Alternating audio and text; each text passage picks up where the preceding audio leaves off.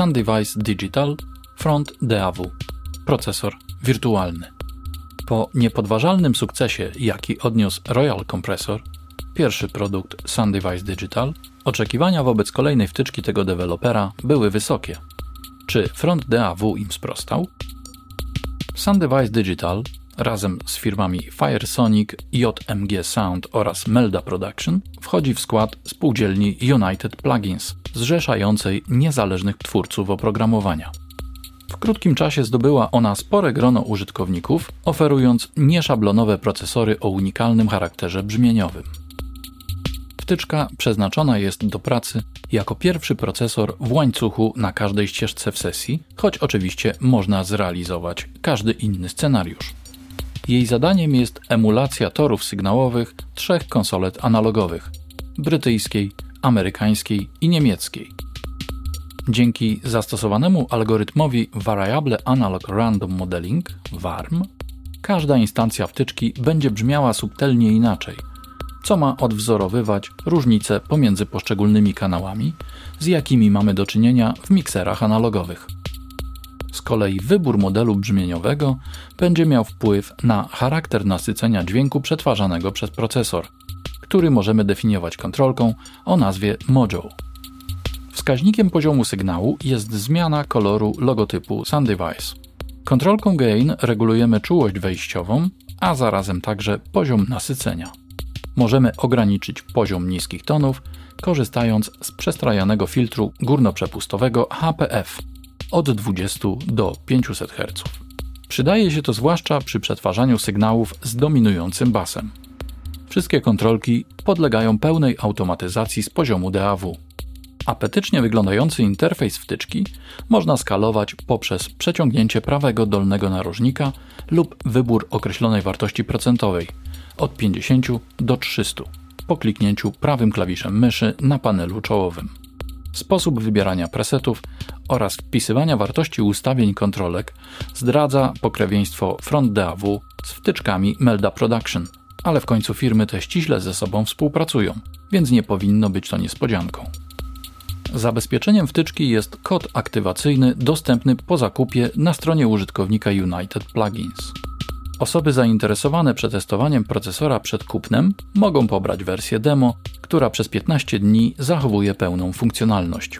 Po tym czasie wtyczka przechodzi w tryb second hand, w dalszym ciągu pracując, lecz z mniejszą funkcjonalnością. Mamy wówczas tylko jeden tryb saturacji, stałe ustawienie Mojo na 50% i znika możliwość korzystania z filtru HPF. Jest dokładnie tak, jak sugeruje nazwa tej edycji.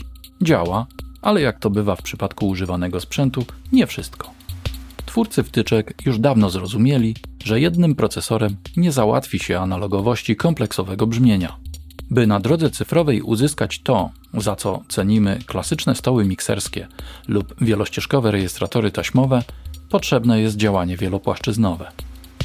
Procesory emulujące powinny się znajdować na każdym torze sesji wielośladowej, a ponadto muszą się charakteryzować nieznacznymi różnicami przy takich samych ustawieniach, a zatem pewną przypadkowością. Dopiero wtedy można się pokusić o uzyskanie interesujących rezultatów, klasyczną metodą wielu drobnych kroczków. Zastosowanie szeregu instancji front DAW w ramach sesji jest o tyle proste, że procesor w znikomym stopniu zużywa moc obliczeniową komputera. Są to ułamki pojedynczego procenta na jedną instancję. Opcji minimum włączamy wtyczki SunDevice na poszczególne grupy, a w opcji maksimum na każdą pojedynczą ścieżkę, także z uwzględnieniem wysyłek, powrotów, grup i sumy. Wtedy na pewno usłyszymy różnicę, choć o tym, czy będzie ona na plus czy na minus, zdecydują charakter muzyki i nasze upodobania. Na pewno uzyskamy większą głośność odczuwalną, zwłaszcza gdy regulatory gain we front DAW ustawione są powyżej minus 6 dB. Dlatego należy wziąć na to poprawkę, bo w przypadku każdego dźwięku głośniej zawsze oznacza lepiej, choć to tylko zjawisko psychoakustyczne. Niewątpliwie w tyczce przydałyby się dwie dodatkowe kontrolki: poziom sygnału wyjściowego oraz ominięcie bypass. Ta pierwsza pozwoliłaby skompensować wzrost poziomu sygnału przy wyższych ustawieniach gain.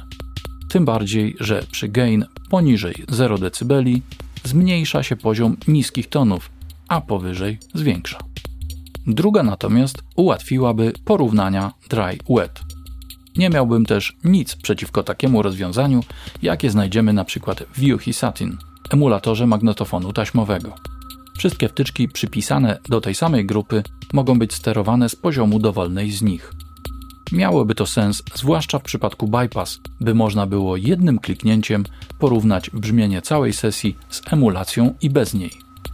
Nawet pomimo braku wspomnianych wyżej elementów, front DAW zasługuje na szczególną uwagę. Zastosowana na wielu kanałach jednocześnie wtyczka potrafi w ciekawy sposób ożywić sygnał. Inteligentne połączenie emulacji filtracji HPF, wzbogacenia o harmoniczne i subtelnej kompresji dało bardzo interesujący efekt. Do tego stopnia ciekawy, że z pewnością wiele osób zdecyduje się na domyślne wykorzystanie tego procesora na każdej ścieżce w sesji miksu. Bębny oryginalne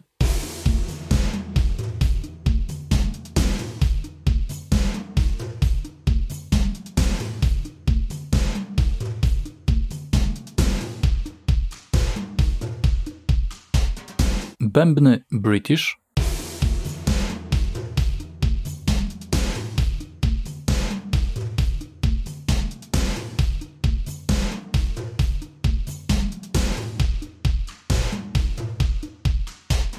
Bębny German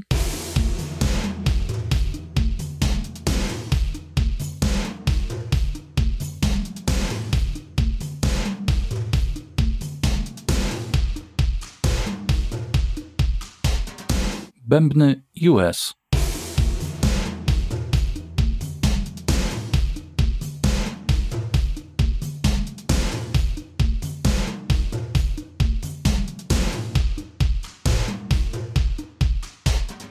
Bębny oryginalne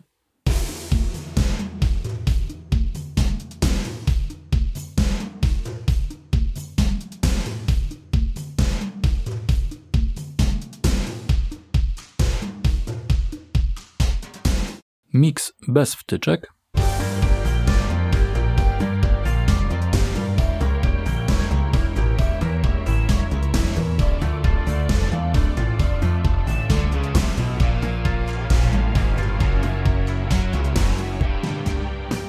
Mix z wtyczkami